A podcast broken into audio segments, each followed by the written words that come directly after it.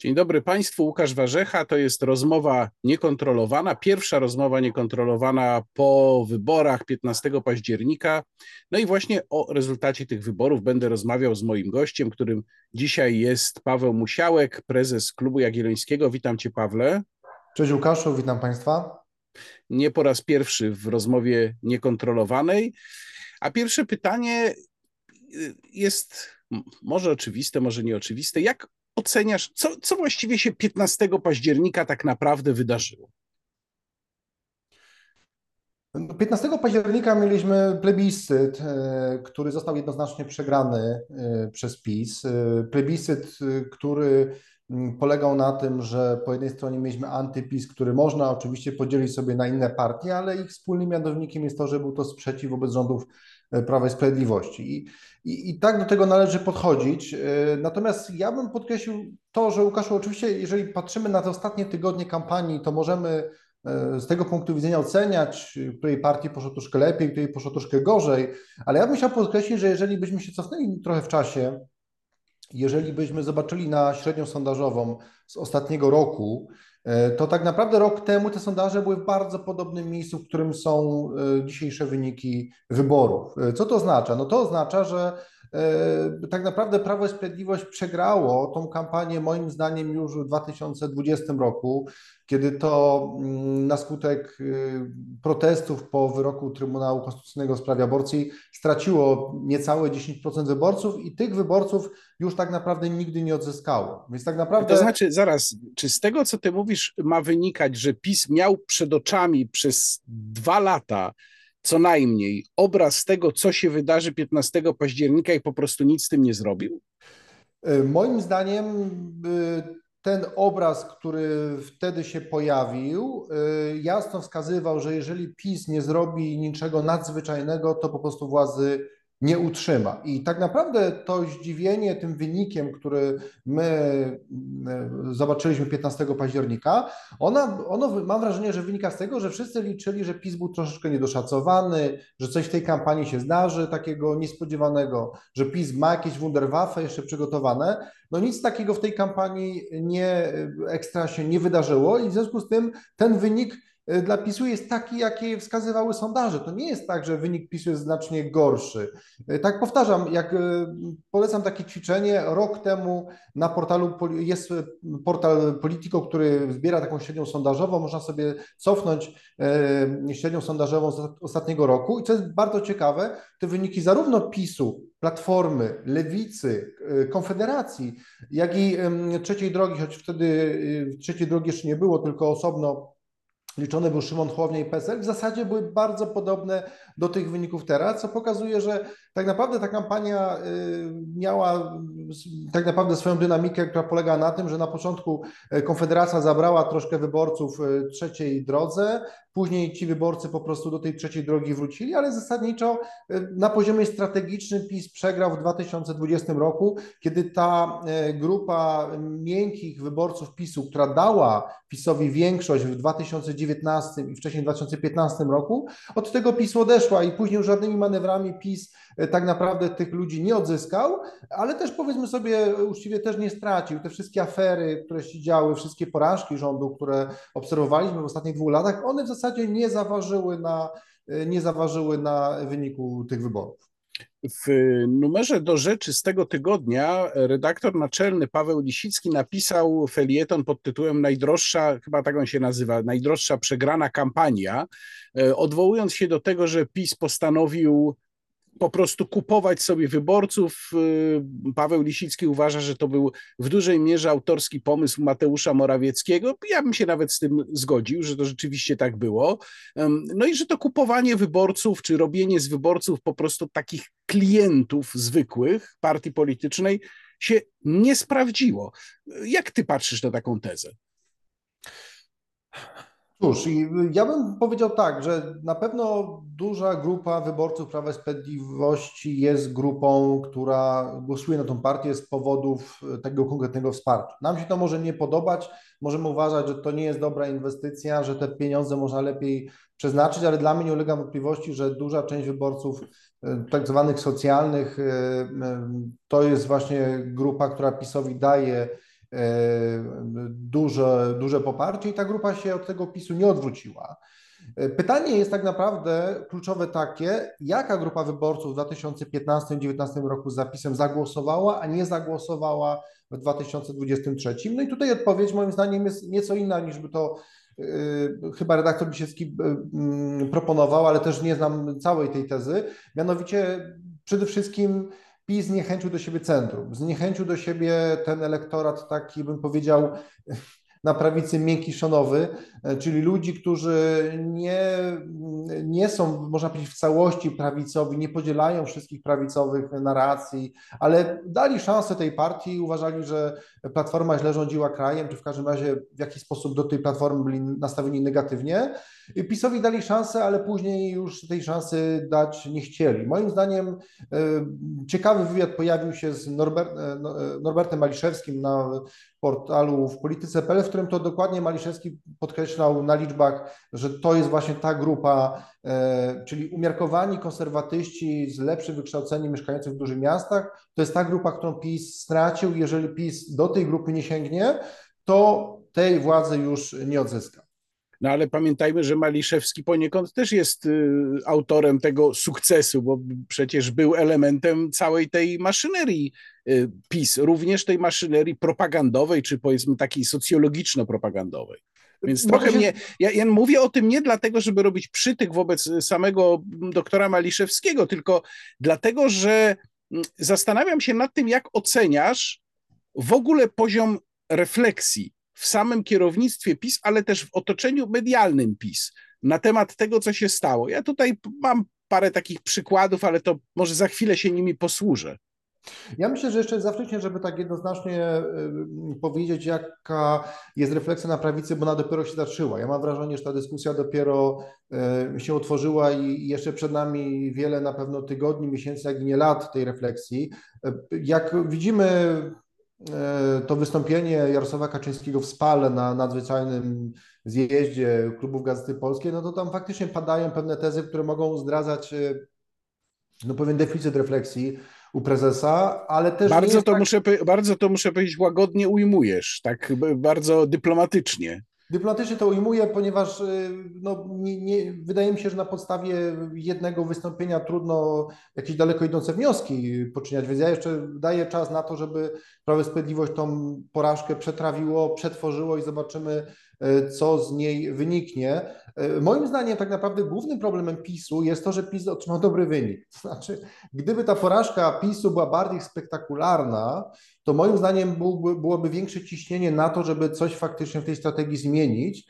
Natomiast dzisiaj moja obawa polega na tym, że ten wynik jest na tyle dobry, no podkreślmy, to jest y, y, te, te 35% głosów y, PiSu, czyli zwycięstwo, nazwijmy to techniczne w tych wyborach, powoduje, że PiS będzie najsilniejszą opozycją w historii trzeciej RP z bardzo licznymi wpływami w poszczególnych instytucjach, więc to może rodzić takie, taką pokusę takiej strategii. Poczekajmy E, aż koniunktura polityczna się zmieni, aż ten rząd e, PiSu, e, rząd, przepraszam, Platformy, Lewicy, Trzeciej Drogi stanie się skonfliktowany, będą wypływały jakieś niesnawki, wtedy koniunktura polityczna wróci do nas, tak jak wróciła do Donalda Tuska. No tylko problem polega na tym, i to jest zasadnicza różnica między Donaldem Tuskiem i Jarosławem Kaczyńskim, że mimo, że sufit nad Donaldem Tuskiem jest powieszony niżej niż nad Kaczyńskim, bo Platforma otrzymała w tych e, wyborach wcale nie jakiś rewelacyjny wynik, daleko do lat świetności, no to jednak Tusk ma jedną podstawową zaletę. Ma przestrzeń do koalicji, której w zasadzie nie ma Kaczyński. PiS liczył że nawet jeżeli ten wynik wyborczy nie będzie zadowalający, to stworzy koalicję z Konfederacją, ale przecież wiemy doskonale, że liderzy Konfederacji również nie byli chętni do tego, żeby tą koalicję stworzyć, więc tak naprawdę nawet jeżeli te kilka procent więcej PiS by otrzymał, czy Konfederacja, to i tak wcale nie ma pewności, że PiS by tą e, koalicję stworzył. Więc no tak, ale przepraszam, no PiS jeszcze, PiS jeszcze bardzo konsekwentnie w Konfederację uderzał i też chciałem cię zapytać, jak ty interpretujesz tę sytuację z piątku przedwyborczego, kiedy widać było, że notowania Konfederacji są znacznie niższe niż w tym najlepszym momencie, mm, no można było z tego wyciągnąć wniosek, że jako potencjalny koalicjant ta partia okaże się za słaba, nie wystarczy, grubo nie wystarczy do tego, żeby zdobyć większość, a mimo to w piątek jeszcze ukazały się materiały uderzające w Konfederację, ukazały się oczywiście w państwowych mediach. No to Łukaszu, moja ocena jest taka, że porównajmy sobie zachowanie Donalda Tuska na ostatniej prostej i właśnie Jarosława Kaczyńskiego. Donald Tusk, mając świadomość tego, że trzecia droga może y, balansować y, tutaj na granicy progu wyborczego, jasno wysłał sygnał swoim wyborcom, słuchajcie, jeżeli rozważacie głosowanie na trzecią drogę, to śmiało głosujcie, dlatego że my potrzebujemy koalicjanta. No i teraz porównajmy to zachowanie z tym zachowaniem, o którym mówisz Prawo Sprawiedliwości i bardzo dobrze wyjdzie nam później to, dlaczego to Platforma stworzy rząd, a nie Prawo i Sprawiedliwość. Bardzo prosta odpowiedź. Więc moim zdaniem dzisiaj kluczowym pytaniem, na które musi sobie odpowiedzieć Prawo i Sprawiedliwość, nie jest nawet pytanie to, co zrobić, żeby odzyskać wyborców, których oni stracili. Tylko pytanie jest, co zrobić, żeby w ogóle inne partie na polskiej scenie politycznej rozważały stworzenie koalicji z PiSem, dlatego że dzisiaj PiS stał się na tyle toksyczną partią dla pozostałych uczestników gry politycznej, e, że nikt w zasadzie nie rozważa nawet e, rozmów koalicyjnych. Jest bardzo charakterystyczne, że nawet w przypadku PSL-u, e, który jak wiemy programowo przecież jest bardzo bliski PiSowi, tam nie ma nawet chęci otworzenia jakichkolwiek rozmów z PiSem. Jest rzeczą oczywistą, że oni wolą pójść do Donalda Tuska. No i moim zdaniem to, czy PiS będzie w stanie zmienić y, y, tą sytuację i stworzyć realną przestrzeń do stworzenia koalicji, będzie decydowało o tym, czy PiS odzyska władzę. Bo ja nie wierzę, szczerze powiedziawszy, że powtórzy się sytuacja z 2015 roku, w którym e, PiS zdobędzie 30, niecałe 40%, a będzie samodzielnie rządził. E, jeszcze trudniejsza e, do powtórzenia sytuacja z roku 2019, w którym PiS miał 43% wyborców.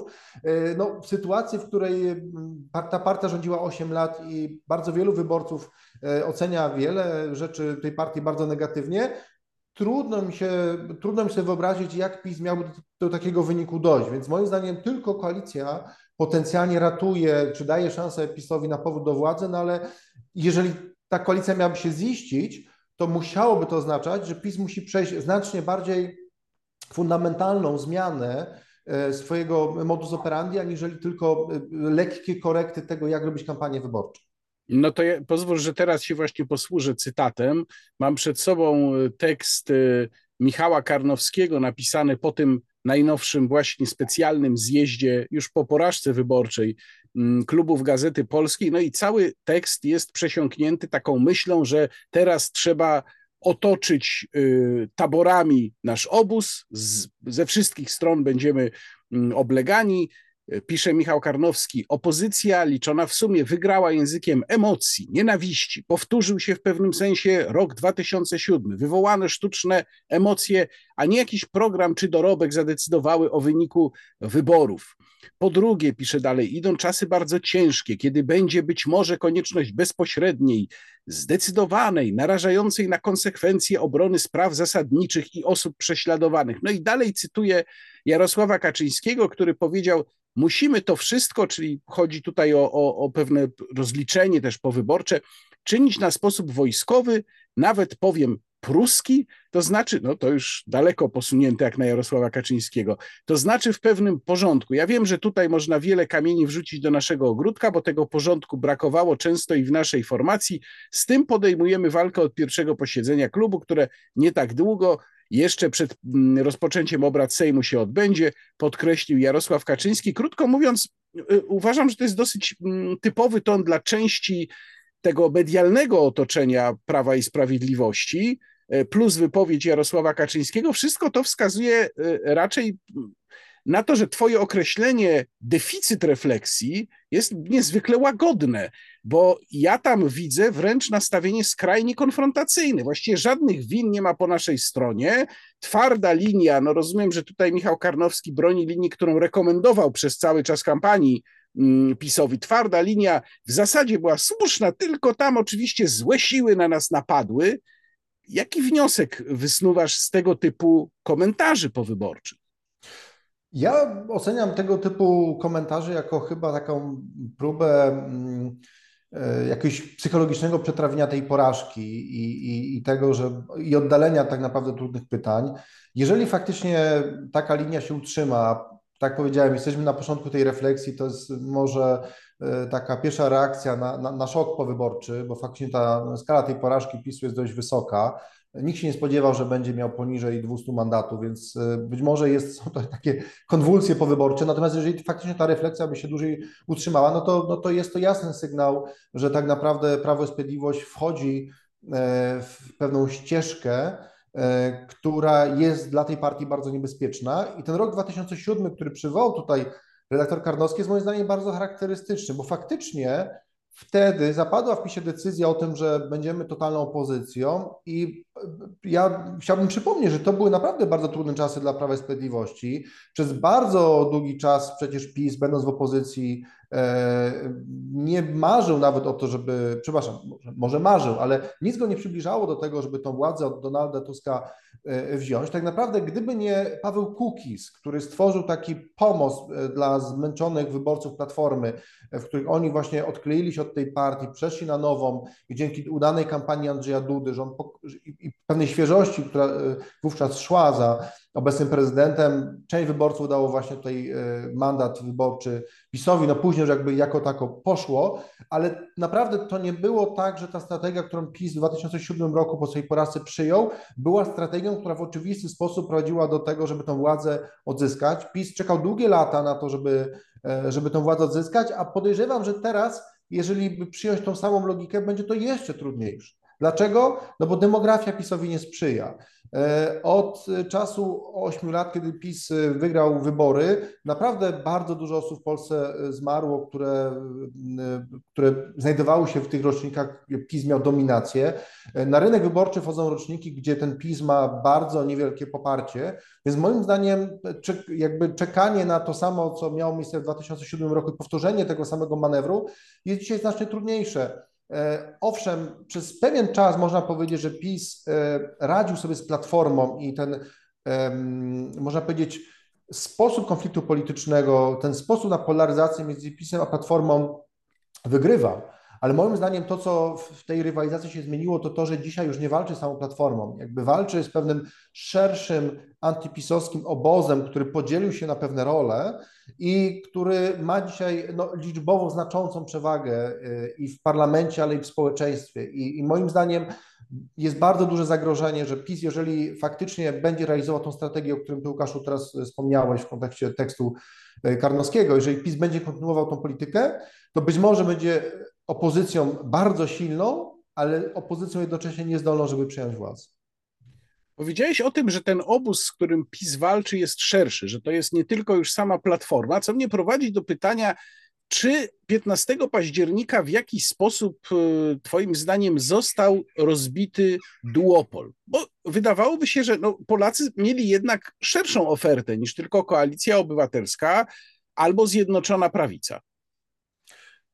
I tak i nie. Mm, jeśli chodzi o samą rywalizację PiSu z Platformą, to mam takie poczucie, że jest jakiś hełm świeżego powietrza w polskiej polityce i tutaj jest pewna przestrzeń na pewną grę, która Pytanie, czym się skończy, no jak bardzo asertywny będzie Szymon Hołownia, e, co zrobi Lewica, czy da się zwasalizować Platformie, czy jednak ten odłam partii Razem będzie chciał postawić na mocniejszą podmiotowość. No tutaj istnieje e, moim zdaniem, e, szczególnie po tej stronie antypisowskiej taka, będzie istniała taka gra, no ta koalicja złożona z różnych partii będzie dawała jakby pewnie nieraz okazję do tego, żeby do różnych manewrów politycznych, które pytanie, czym się zakończą. Mm, po stronie PiSu e, czy Zjednoczonej Prawicy też moim zdaniem pytanie e, niebłahe jest takie, czy Solidarna Polska, czy dziś suwerenna Polska będzie chciała być e, razem z PiSem w jednym klubie parlamentarnym, czy przypadkiem tutaj nie pójdzie na, na, pewną, na pewien spór, szczególnie, że zbliżają się eurowybory, bardzo potencjalnie korzystne dla suwerennej Polski, bo pozwalające wyeksponować jej narrację w kontekście unijnym, pozwalający także wytknąć pewne błędy, które zdaniem e, szuf polu popełnił e, Mateusz Morawiecki. Więc tutaj po obu stronach tak naprawdę będą się działy ciekawe rzeczy, ale jednak mam pewien dystans do tej tezy o tym, że ta polaryzacja może być słabsza, dlatego że moim zdaniem PiS i Platforma dzisiaj obsługują, tak naprawdę są kluczowymi partiami obsługującymi pewien spór polityczny, który jednak jest bardzo stabilny, to znaczy spór między e, jakby dwoma innymi odpowiedziami na to, czym powinna być dzisiaj Polska, jak powinna tę politykę prowadzić. E, to jest spór, który od 300 lat w zasadzie w Polsce w różnych konfiguracjach moim zdaniem się odbywa. On się zaczął od sporu Kontusza z Frakiem e, w czasie pierwszej RP i dzisiaj z różnymi tak naprawdę wariantami on jest kontynuowany. Znaczy mówiąc krótko, to kluczowe pytanie, czy to, co Polskę wyróżnia na tle Europy, ta swoistość jest pewnym zasobem, czymś, co jest jakby można powiedzieć wartością dodaną Polski, czy czymś, co stanowi nasze obciążenie, z czego powinniśmy zrezygnować. To jest tak naprawdę chyba kluczowy spór między kosmopolitami, sarmatami, y, y, y, prawicą i progresywistami i tak naprawdę nawet jeżeli nie będzie PiSu, nawet jeżeli nie będzie Platformy, to będą inne partie, które ten spór będzie obsługiwać, bo on jest bardzo mocny. Więc jak Ty mnie, Łukaszu, pytasz o to, na ile ten spór jest dzisiaj po tych wyborach osłabiony, to ja mam takie wrażenie, że tak naprawdę spór w ogóle PiS versus antyPiS ma się dzisiaj bardzo dobrze, a nawet jeżeli PiS być może po Jarosławie Kaczyńskim, pytanie jak długo jeszcze będzie u władzy, byłby zupełnie inną formacją, czy w ogóle podzieliłby się na inne formacje, to, to ja nie wierzę, żeby e, ten główny spór, który toczy życie publiczne w Polsce, e, szybko wygasł, bo on tak naprawdę jest sporem obsługujący bardzo silne pęknięcie jakby w polskiej wspólnocie politycznej. Bardzo mi się podoba to, co powiedziałeś, dlatego że e, nalałeś taką, takiej solidnej i z oddechem treści do sporu, który wiele osób, w tym ja również, często interpretuje tylko jako bardzo przyziemny spór po prostu o frukta władzy i to wszystko, że nic za nim więcej nie stoi, więc ja wolę tę twoją perspektywę, którą tutaj przedstawiłeś, chociaż e, z drugiej strony mam o tyle wątpliwości, że jak się spojrzy i zastanawiam się, na ile to mógł być powód też porażki PiS, jak się spojrzy na to, w jaki sposób PiS się zachowywał, no to mam wrażenie, że często yy, Y, werbalnie optował za, mówiąc umownie, kontuszem, a tak naprawdę jak tylko zszedł za kulisy, to szybciutko wkładał frak, żeby się lepiej poczuć. Mówię tutaj przede wszystkim o polityce unijnej oczywiście.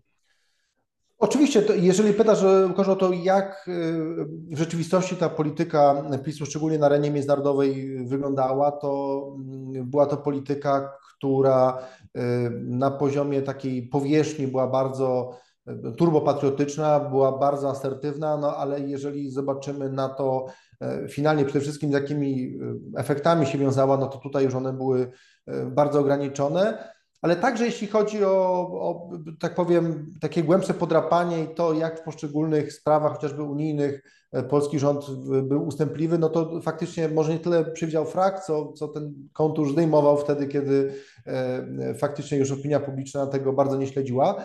E, co moim zdaniem niekoniecznie musi oznaczać coś negatywnego. To znaczy, ja uważam, że jeżeli tam faktycznie w niektórych momentach tego pragmatyzmu było więcej, to, to tym lepiej.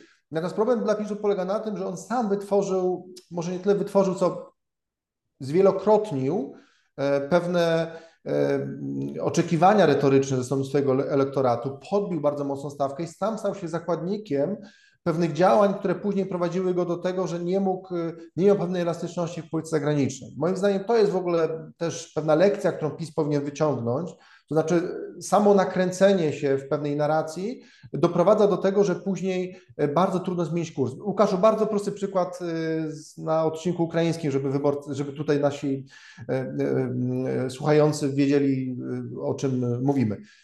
Sam tutaj pewnie ten temat jest dla Ciebie bliski, bo sam alarmowałeś wielokrotnie, że rząd Prawa Sprawiedliwości tutaj jest dość jednostronny w swojej, swojej narracji. Prowadziliśmy debatę w klubie Jagiellońskim, w której wzięliśmy udział zresztą, e, bardzo ciekawej. E, Panem wiceministrem bardzo... Jabłońskim, tak wiele osób ją jeszcze pamięta. Tak jest. I, I to było bardzo charakterystyczne, że Prawo i Sprawiedliwość wtedy, kiedy zaczęliśmy te relacje z Ukrainą, można powiedzieć, po 24 lutego budować na zupełnie innej glinie, poszedł w taką narrację bardzo pompatyczną i wiele osób sygnalizowało, że być może za tą pompatycznością no, kryje się coś takiego, co będzie politycznie później kosztowne. I z perspektywy czasu widzimy, że ta pompatyczność, która, ten klimat braterstwa, ale podniesiony do potęgi entej, spowodował, że w sytuacji, w której widzieliśmy po drugiej stronie, że nie ma odpowiedniej reakcji na nasze oczekiwania, na nasze interesy, trudno nam było, y, tak powiem, dokonać pewnej korekty, dlatego że byliśmy zakładnikami pewnej narracji, w którą po prostu też uwierzyła opinia, opinia publiczna. Więc w pewnym sensie też związaliśmy sobie ręce i polski rząd zareagował wtedy, kiedy już tak dużo było pod spodem, pod tym dywanem tego, y, tego, tego, tych problemów, że już się dalej tego nie udało ukrywać. I co zrobił rząd w takiej sytuacji? No, zdjął ten dywan i zaczął reagować w sposób absolutnie, moim zdaniem, już przesadzony. I było tam już za dużo w ogóle emocji, co jakby sprawiało takie wrażenie, że my się miotamy po prostu od ściany do ściany i moim zdaniem pozbawiało to też y, polską politykę z Ukrainy pewnej powagi. Więc moim zdaniem to jest dobry przykład na to, jak tak naprawdę pewna, y, pewien właśnie z jednej strony realizm PiSu, y, którego nie brakuje w pewnej diagnozie stosunków międzynarodowych, spotyka się jednak z pewnym romantyzmem tej partii, która niewątpliwie jest bardzo silnym komponentem szczególnie jeśli chodzi o definiowanie celów. Taka ostatnia może Łukasz anegdotka, bo jestem już na ostatnim etapie finalizowania mojej pracy doktorskiej, która dotyczy sporo polską politykę zagraniczną. I tam e, w toku e, tworzenia tej pracy przeczytałem bardzo ciekawą publikację profesora Waldemara Parucha.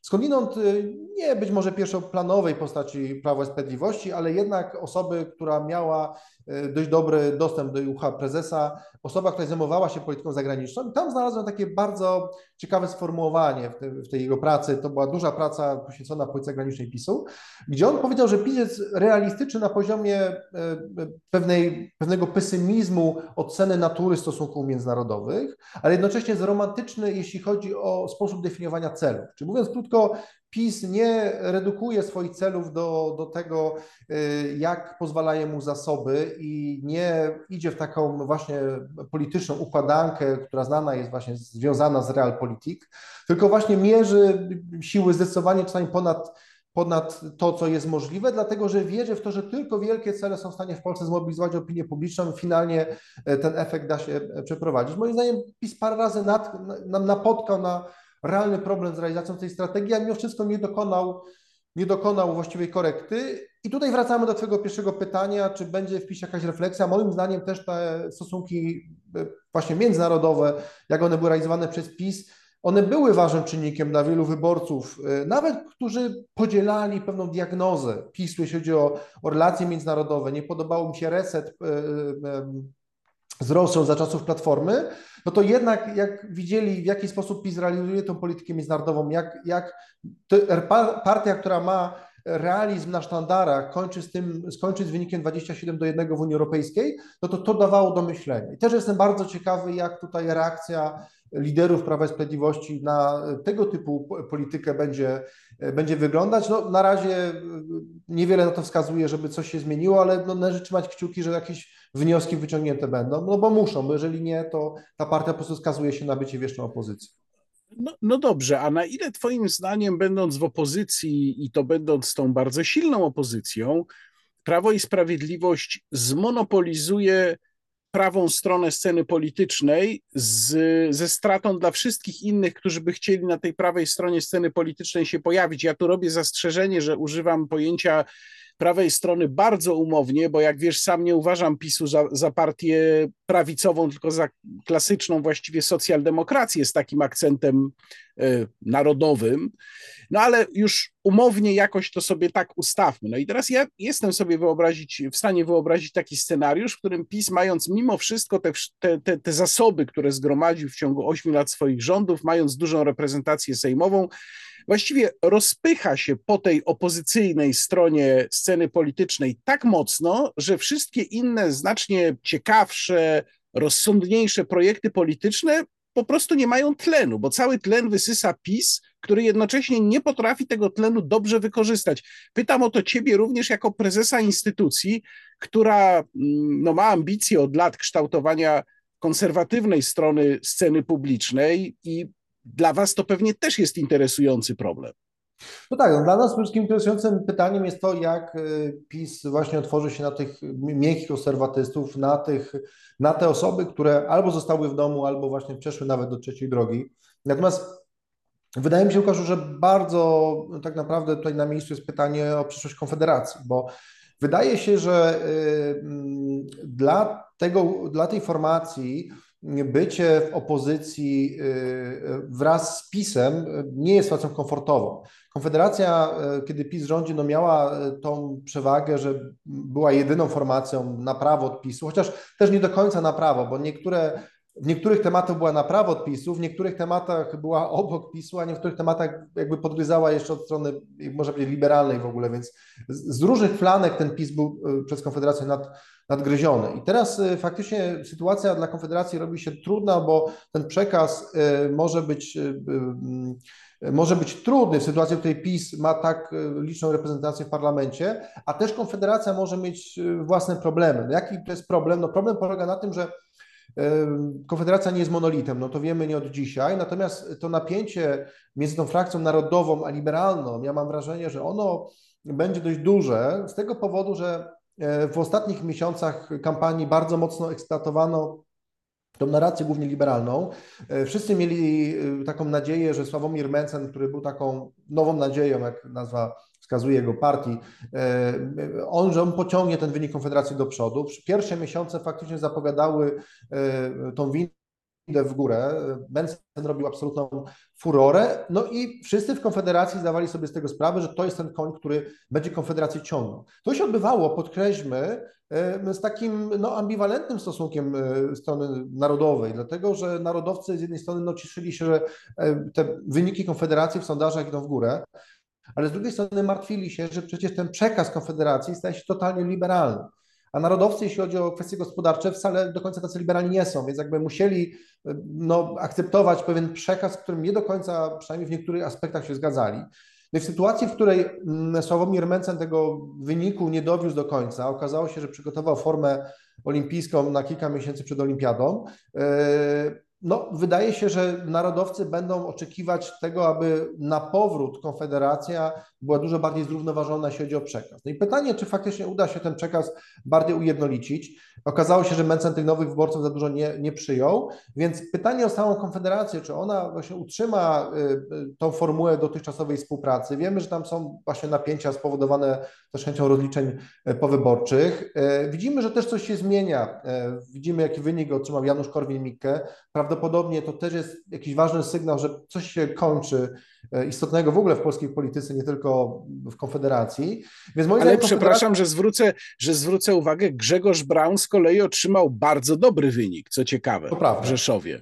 To prawda, więc moim zdaniem to też jakby wniosek tego, z tych z wyników Konfederacji nie jest wcale jednoznaczny. Moim zdaniem w ogóle to też jest ciekawe pytanie, bo moim zdaniem kluczowym problemem, jakbyśmy zapytał, dlaczego Konfederacja tego wyniku nie dowiozła na takim poziomie, w jakim to miało miejsce jeszcze parę miesięcy temu, jest to, że bardzo trudno było zarządzać, być może było to niemalże niemożliwe, dwoma zupełnie odmiennymi grupami wyborców. Ta część y, wyborców Konfederacji, która stale na tą partię głosuje, to są wyborcy, którzy owszem, oni są zróżnicowani. Po jednej stronie mamy narodowców, takich wolnościowców, ale bardzo mocno enta, anty, anty, anty-establishmentowych, którzy są na kontrze wobec mainstreamu, są na kontrze wobec poprawności politycznej.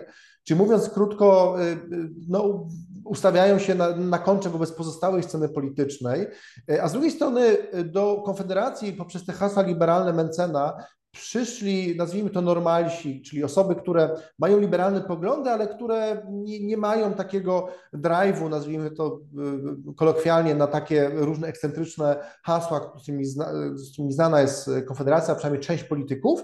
I bardzo trudne, mam wrażenie, Konfederację na ostatnim odcinku było obsługiwać zarówno tych starych, których oczywiście trzeba docenić, ich pilnować, żeby oni się nie mobilizowali, ale też y, mieć ofertę dla tych normalców, których właśnie wystraszyły te wszystkie wypowiedzi dotyczące jedzenia psów, e, czy wypowiedzi Korwina Mikke na temat pedofilii. Więc moim zdaniem też się toczy pewnie w Konfederacji taka dyskusja na temat tego, czy my, czy my, Konfederacja ponownie ma próbować sięgać po tych ludzi, którzy odpłynęli do Hołowni, czy być może e, trzymać się tych starych i podgryzać bardziej PiS i stamtąd widzieć szansę na powiększenie swojego elektoratu. Moim zdaniem dopiero odpowiedź na to pytanie pozwoli nam dojść dalej, jak ta jakby prawa scena, e, prawa część sceny politycznej się ułoży. E, no i pytanie właśnie w PiSie, na ile tak naprawdę będzie kurs na solpolizację PiSu, a na ile kurs na pewną formę gowinizacji, czy, czy jednak e,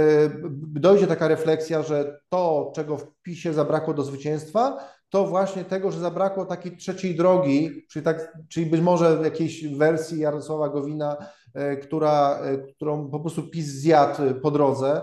I być może właśnie też Tutaj należy upatrywać pewnego źródła problemu. PiS rozparcelował ugrupowanie Gowina, które miało zdolność przyciągnięcia no niewielkiej, ale jednak grupy wyborców, która myślała nieco inaczej od PiSu. Dzisiaj po prostu tego, e, tych chociażby pojedynczych polityków, którzy mówią innym głosem, nie ma. I ostatnie zdanie, Łukaszu, tylko może dotyczące samego premiera Morawieckiego, bo o tym też mówiłeś e, na samym początku, kiedy wspominałeś o, o, o doktorze Maliszewskim. No, moim zdaniem duże rozczarowanie Mateuszem Morawieckim, bo on miał być właśnie tą twarzą w PiSie, która ściągać miała innych wyborców. Taka była geneza w ogóle wejścia Morawieckiego na fotel premiera, a tymczasem niestety, jak to w polskim życiu politycznym, to nie Morawiecki zainfekował PiS jakimś, czy jakby wprowadził jakąś nową jakość, nową świeżość, tylko to Morawiecki się spisił, próbując jeszcze w nieudolny sposób e, udawać e, twardszego niż jest, co w tej debacie, debacie w polskiej telewizji, no moim zdaniem bardzo fatalnie wychodziło i widać było, że on po prostu nie odgrywa swojej roli. E, I, i zamiast być nową jakością, to, to, to, to był czymś po prostu bardzo dziwacznym, ale to, tak powiedziałem, to pewnie nie tylko jego decyzja, decyzja sztabu, że właśnie tak ta kampania ma, ma wyglądać. Bardzo rzeczywiście ciekawa jest, ciekawe są Twoje spostrzeżenia na temat braku Jarosława Gowina. Teraz sobie uświadomiłem, że wypadnięcie tego elementu z układanki w ogóle właściwie przed wyborami, a nawet w analizach powyborczych się nie pojawiało, a może faktycznie należałoby się zastanowić, jakby ten wynik wyglądał, gdyby Polska razem, tak? Dobrze mówię, bo to już ludzie, człowiek zapomina, kiedy, kiedy ugrupowania nie ma, nadal trwała.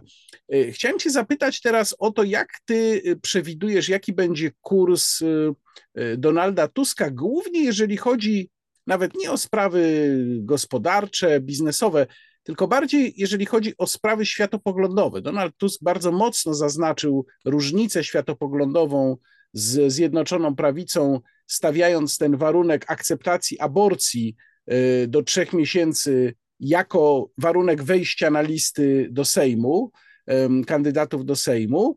E, no, oczywiście jest lewica jako potencjalny koalicjant, która zaczyna tam podnosić różne swoje postulaty, aczkolwiek otrzymała tak słaby wynik, że nie wiadomo, czy ma mandat, żeby te postulaty podnosić. Pytanie, krótko mówiąc, brzmi: czy Twoim zdaniem Donald Tusk pójdzie dosyć radykalnym kursem w tych sprawach, czy też raczej zwycięży u niego dążenie do zachowania świętego spokoju, ciepłej wody w kranie i będzie się starał unikać tych maksymalnie dzielących tematów.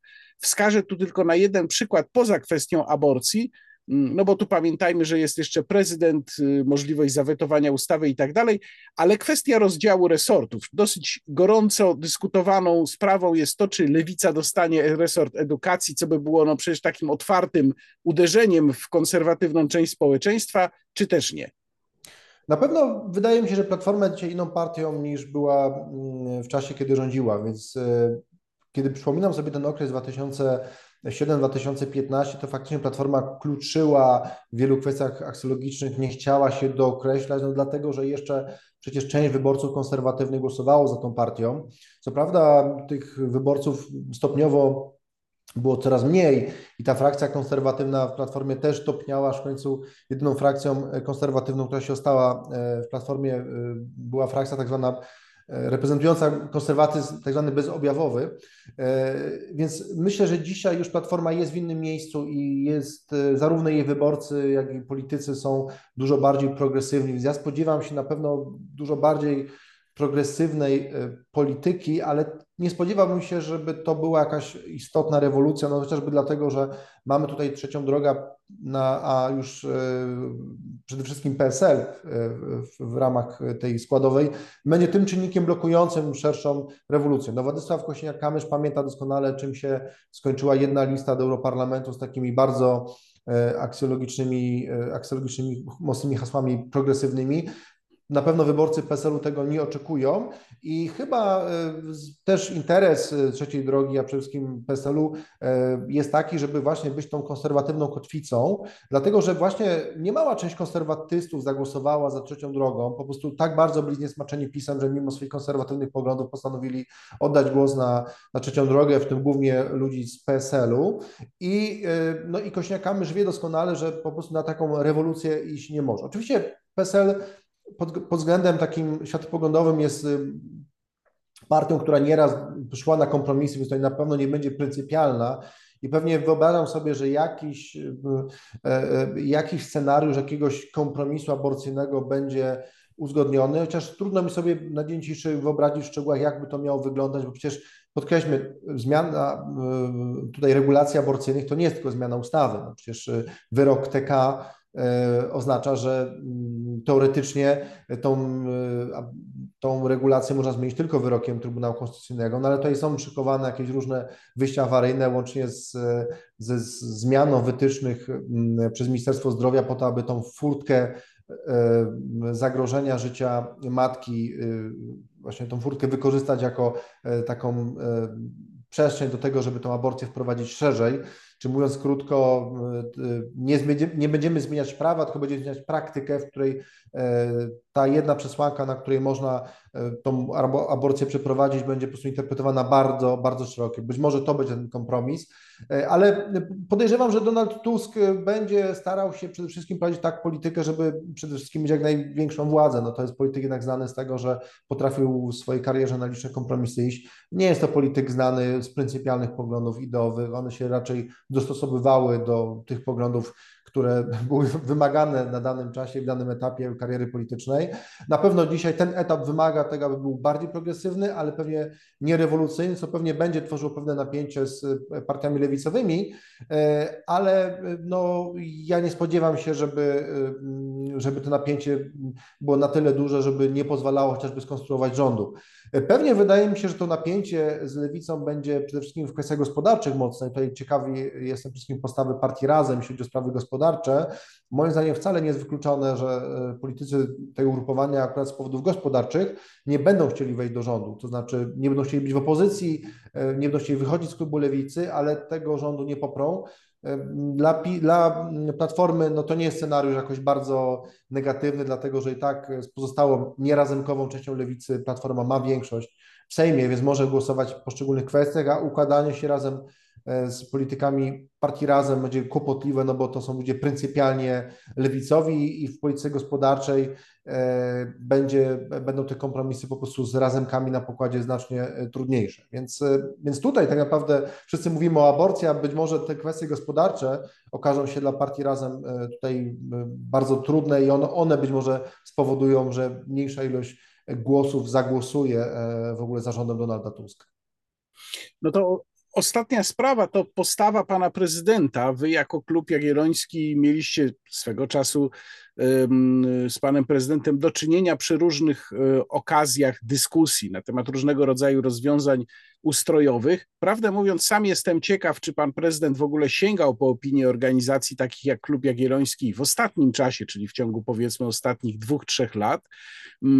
No i pytanie jest o to, jak on się będzie zachowywał y, w sytuacji koabitacji, czy jak powinien Twoim zdaniem się zachowywać, czyli czy to będzie negowanie wszystkiego i hurtowe wetowanie, czy to będzie mm, pójście jakimś bardzo skrajnie pragmatycznym kursem, czy może po prostu tylko wetowanie tego, co będzie z powodów y, światopoglądowych, pryncypialnych, niemożliwe do podpisania? Z punktu widzenia jego postawy czy jego poglądów? Na dzień dzisiejszy wydaje mi się, że najbardziej prawdopodobnym scenariuszem jest ten ostatni, to znaczy na pewno Andrzej Duda nie będzie mm, y, chętny do tego, aby podpisywać ustawy wprowadzające daleko idącą, y, daleko idące zmiany progresywne, nie wiem, w polskiej edukacji, w sprawach aborcyjnych i tak dalej, i tak dalej. Więc to też jest w ogóle czynnik, który należy brać pod uwagę w tych dyskusjach o, e, o zmianach e, regulacji kwestii aborcji, ale też nie spodziewam się, że był taką krytyką totalną. Andrzej Duda raczej był tym politykiem, który w ostatnich latach dał się poznać jako ten, który, e, no co prawda od czasu do czasu, a nie regularnie, ale jednak był zdolny do tego, żeby zatrzymać pisowską rewolucję, przynajmniej w niektórych punktach. I spodziewam się, że tak ta współpraca będzie wyglądała, to znaczy te weta pewnie będą liczniejsze niż w przypadku rządów Prawa i Sprawiedliwości, ale tak naprawdę też pytanie o to, jak Andrzej Duda będzie zachował się wobec opozycji, jest pytanie o to, jak opozycja będzie podchodzić do Andrzeja Dudy. Jeżeli ona będzie traktowała go jednoznacznie jako pisowskiego aparatczyka, to robiła do tej pory i odmawiała jakiejkolwiek formy współpracy i delegitymizowała go, to na pewno Andrzej Duda też po ludzku po prostu będzie chciał jak najbardziej e, no, też e, się zrewanżować. Natomiast jeżeli pojawi się e, na opozycji taka refleksja, że słuchajcie, no mamy prezydenta, który ma bardzo istotny instrument, może nie jest najbardziej opłacalne, abyśmy go zawsze glanowali przy każdej okazji i być może otwarcie się na jakąś no, umiarkowaną, ale jednak współpracę byłoby dla obu, obu stron korzystne. Też taki wariant uważam, że jest na stole, ale no pytanie, co zwycięży, jakie emocje po prostu po tej stronie yy, być opozycyjnej, ale też policzam mówić koalicyjnej, bo ta władza już niedługo się zmieni. Natomiast ostatni punkt, wydaje mi się, Łukaszu, że daje mi do myślenia, mianowicie Jarosław Kaczyński jakiś czas temu e, mówił o tym, że to będzie jego ostatnia kadencja na stanowisku szefa PiSu. No i powstaje pytanie, kto będzie jego naturalnym następcą. E, przez długi okres wydawało się, że takim delfinem będzie Mateusz Morawiecki. W niego bardzo dużo inwestował Jarosław Kaczyński, ale wydaje się, że po tej porażce wyborczej Morawiecki jest osłabiony i e, też wiele osób uważa, że ta debata, którą on, w której on wziął udział, no nie wypadła zbyt dobrze i PiSowi na pewno nie pomogła w tych wyborach to też mówię dyplomatycznie. Mariusz Błaszczak, który jest osobą też typowaną przez e, wielu jako potencjalny następca, dlatego że przecież na, tym, na tej tematyce bezpieczeństwa e, PiS zyskiwał e, sympatyków w ostatnim, w ostatnim roku. No, również zanotował dwa istotne, no, dwie istotne wtopy. No, jedna rzecz to jest oczywiście rakieta pod Bydgoszczą, druga to jest dymisja generałów, więc, więc tak naprawdę ten temat bezpieczeństwa, który miał być wiodący dla PiSu, okazał się bardzo problematyczny. W związku z tym być może jest tak, że to Andrzej Dudaj będzie tym politykiem, który będzie e, miał e, szansę na to, aby stery po, po Jarosławie Kaczyńskim. Pytanie do niego, czy on w ogóle myśli w takich kategoriach, to znaczy, czy on uważa, że ma na to szansę i czy on będzie starał się o ten fotel prezesa PiSu powalczyć. E, prawdopodobnie no, jego kariera międzynarodowa no, nie jest czymś, co będzie łatwe do realizacji, no bo jednak był prezydentem, który wspierał rząd, który na arenie międzynarodowej, jak wiemy, raczej sympatii nie miał. E, w związku z tym myślę, że Andrzej Duda. No i przepraszam, mi trzeba dodać jeszcze, że żeby zająć jakieś stanowisko międzynarodowe, trzeba mieć poparcie aktualnego rządu, czyli Otóż w tym to. wypadku rządu do niedawna opozycji. Otóż to. No i pytanie główne, które się pojawia, jeżeli Andrzej Duda zamarzyłby sobie fotel prezesa PiSu, jeżeli o to by się starał, to tak naprawdę y, macie dwa lata na to, żeby właśnie pokazać elektoratowi, ale też politykom PiSu, że y, będzie to dobry następca. No i jeżeli faktycznie chciałby tym następcą być, no to pojawi się pytanie, jak to wpłynie na współpracę z rządem. No z jednej strony można powiedzieć, że powinno to wpłynąć negatywnie, no bo Andrzej Duda będzie starał się pokazać jako ten właśnie hardy jastrząb, który tak naprawdę nie zmieni y, raz zdefiniowanej dobrze drogi. Ale z drugiej strony, jeżeli w samym PiSie pojawi się refleksja, która będzie odgrywała ważne znaczenie, że potrzebujemy jakiegoś nowego otwarcia, odświeżenia, że tak dalej po prostu nie, nie możemy realizować swojej polityki, bo y, będziemy wierszą opozycją i potrzebujemy jakiegoś, y, jakiegoś, jakiegoś fermentu, jakiegoś świeżego powietrza, no to być może sięgnięcie pan Andrzeja Dudę po raz drugi, e, jak to po raz pierwszy sięgnął PiS w 2015 roku, po raz drugi może sięgnąć już niedługo, będzie tym czynnikiem, który e, dla wielu polityków Prawa i Sprawiedliwości e, właśnie będzie się jawił jako takie nowe otwarcie, symbol tego, że PiS zmienia swój kurs i będzie to oznaczało no, bardzo duże zmiany na polskiej scenie politycznej. Być może, być może taka refleksja przyjdzie, ale sam Łukaszu pewnie policzyłeś, ile zastrzeżeń w tej mojej wypowiedzi było, więc to jest scenariusz bardzo wysoce niepewny, ale warto go mieć y, w tyle głowy i te najbliższe dwa lata być może dla Andrzeja Dudy okażą się najważniejszymi dwoma latami z całej dziesięcioletniej e, prezentury. Ale zawsze ciekawie jest, kiedy rozmowa kończy się taką mocną hipotezą. Ta była naprawdę ciekawa i mocna. Bardzo Ci dziękuję za rozmowę. Dziękuję Łukaszu również Tobie i oczywiście wszystkim oglądającym. A moim gościem w programie Rozmowa Niekontrolowana był prezes Klubu Jagiellońskiego Paweł Musiałek.